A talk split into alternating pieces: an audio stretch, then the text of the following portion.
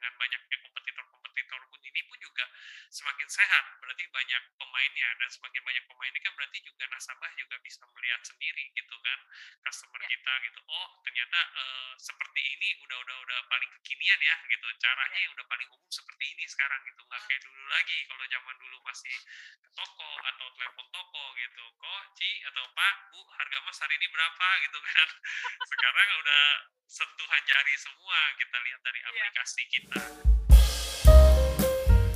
DS Podcast minggu ini bersama saya Yeni Yusra.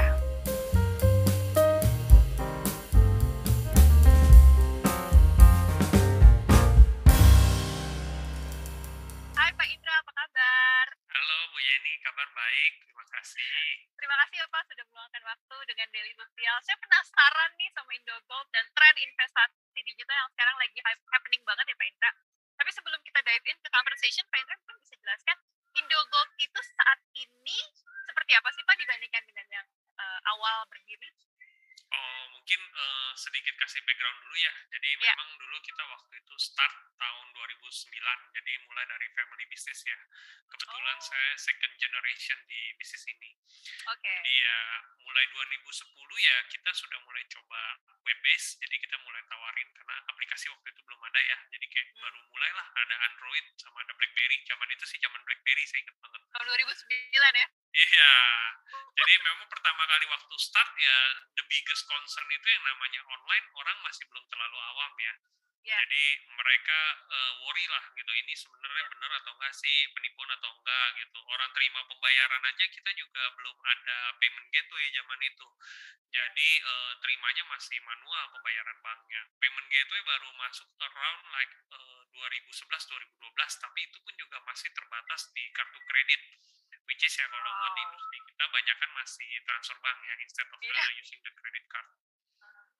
Oke, okay, kalau kita lihat kan uh, saat bicara 2022 ya Pak Indra ya, investasi hmm. digital nih lagi tren banget Pak. Tapi hmm. when we talk about gold digital Pak, hype-nya atau minatnya seperti apa sih Pak saat ini Pak?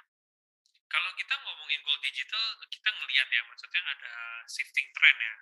Okay. Karena kan dari dulu sampai sekarang ya, dulu memang orang lebih nyamannya offline ke toko emas. Yeah. Terus itu ada masa-masa di mana. sekarang juga masih suka kayak gitu, Pak.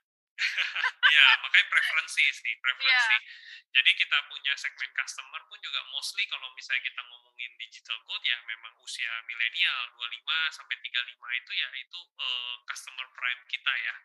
Okay. Mereka yang memang sudah savvy dengan digital gitu. Tapi kalau misalnya let's say kalau udah 40 ke atas gitu ya, most of them ya still prefer ya datang fisik lihat barang atau bahkan mungkin yang sudah terbiasa dengan marketplace yang mereka belinya lewat channel marketplace kita juga gitu. Oke. Okay. Tapi kalau Jadi, Indo Gold, oke. Okay. Hmm? Mau nambahin Pak? Enggak, enggak apa-apa. Silakan Bu Yeni. kalau Indo Gold sendiri sekarang kan udah mulai banyak saingan nih Pak ya uh, investasi digital. Semakin mempercanggih teknologinya atau karena sudah berdiri lama dan punya loyal customer dan sudah dipercaya, kayaknya nggak terlalu uh, bagus-bagus banget gitu tek teknologinya. Yang penting kan kalau emas atau investasi digital emas itu trust ya Pak ya. Gimana nih Pak, uh, in terms of teknologi buat Indogo?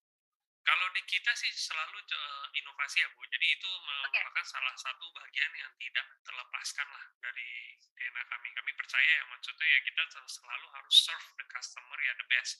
Karena kan okay. kita lihat sendiri aja bank pun juga sekarang pun juga sudah mulai berinovasi ya. CS juga udah mulai terancam nih teller-teller kan dengan adanya yeah. dengan mesin. Jadi ya suka nggak suka ya memang memang produknya konvensional emas okay. gitu tapi ya how we deliver it ya udah harus berinovasi sudah berubah yeah. gitu itu pun juga terjadi pun di industri kita dengan banyaknya kompetitor-kompetitor pun ini pun juga semakin sehat. Berarti banyak pemainnya dan semakin banyak pemainnya kan berarti juga nasabah juga bisa melihat sendiri gitu kan customer yeah. kita gitu. Oh ternyata uh, seperti ini udah udah udah paling kekinian ya gitu. Caranya yeah. udah paling umum seperti ini sekarang gitu. Nggak kayak dulu lagi kalau zaman dulu masih ke toko atau telepon toko gitu. Kok Ci atau Pak Bu harga mas hari ini berapa gitu kan.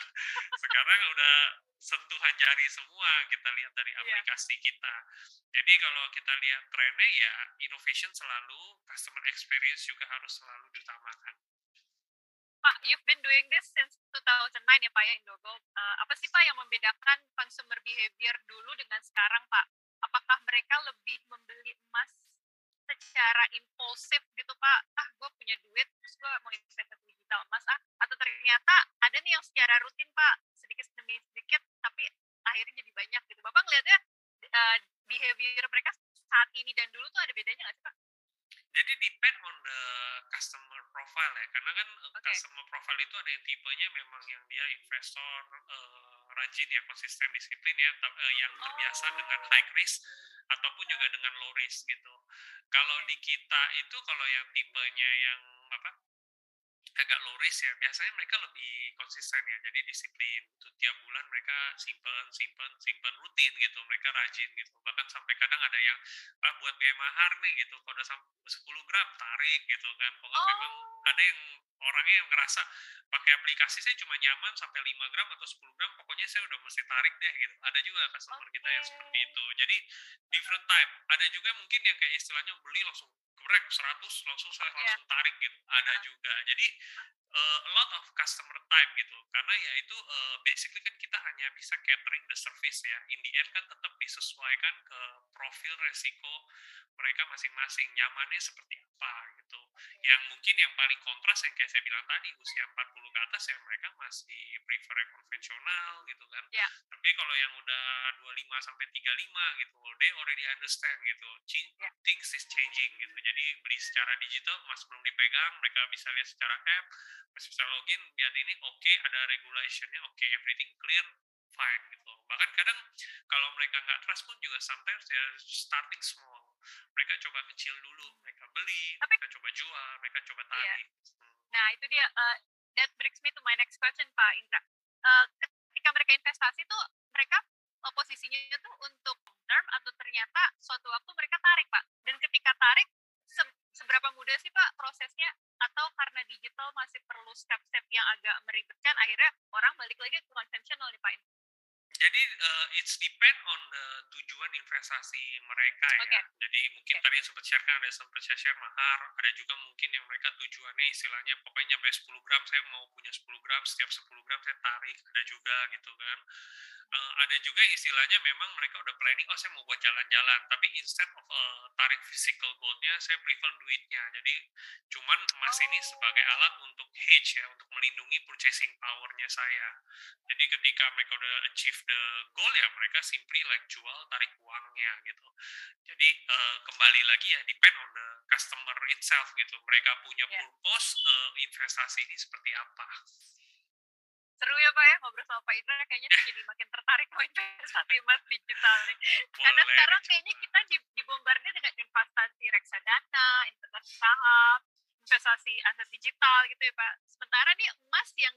dari dulu sampai sekarang masih favorit kayaknya nggak terlalu banyak nih uh, di apa ya dipromoin gitu ya. Nah, Indogo sendiri strateginya apa sih Pak supaya bisa bersaing dengan investasi digital yang saat ini makin banyak Pak di Indonesia Pak? Kalau kita sih bukan in terms of bersaingnya, tapi maksudnya oh. lebih kalau tujuan kita itu lebih ke edukasi ke masyarakat. Okay. Kalau zaman kakek nenek itu kan pilihan investasi nggak banyak. Kakek yeah. mana, nenek emas gitu kan, yeah. jadi nggak banyak. Very yeah. differently dengan kondisi sekarang gitu. Kondisi yeah. sekarang people got a lot of options. We do understand that gitu kan. Jadi yeah. we cannot enforce them juga. What we can do ya kita educate ya kita penting gitu untuk investasi nggak cuma taruh di satu basket doang taruh ke produk-produk lain juga cuman ingat uh, kita bukan dengan alokasi portfolio gitu selalu 5 sampai 15 persen as insurance taruh di emas gitu karena we never know money market right? Kalau paper market biasa lagi crash ya biasa emasnya bagus. Tapi kalau emas lagi stagnan ya paper marketnya lagi tinggi gitu. So we have to uh, leverage lah. Maksudnya bukan leverage educate ourselves very well gitu kan. Jadi nanti kita bisa tahu sebenarnya kita taruh yang di mana-mana. Jadi kalau misalnya kita ngomong kayak sekarang ya ada reksadana ada kripto atau apa we welcome them we welcome. Jadi memang uh, kita melihat itu salah satu sinergi ya okay. semua kalau bisa ada gitu Oke, okay. Master of Gold banget nih Pak Indra nih. Pak, next uh, the last question nih Pak dari saya. What next nih untuk Indo Gold? Apakah makin mempercanggih teknologinya atau makin memberikan pilihan yang lebih banyak Pak untuk investasi emas digital Pak? Oke, okay. Kalau di kita sih udah pasti uh, improvement terus ya dari fitur-fitur yang ada ya. Kalau terakhir ya kita yang udah ada kan fitur dari auto debit. Jadi kalau mau punya GoPay mau dipotong setiap minggu atau setiap bulan kita udah bisa tuh terintegrasi sama GoPay Okay.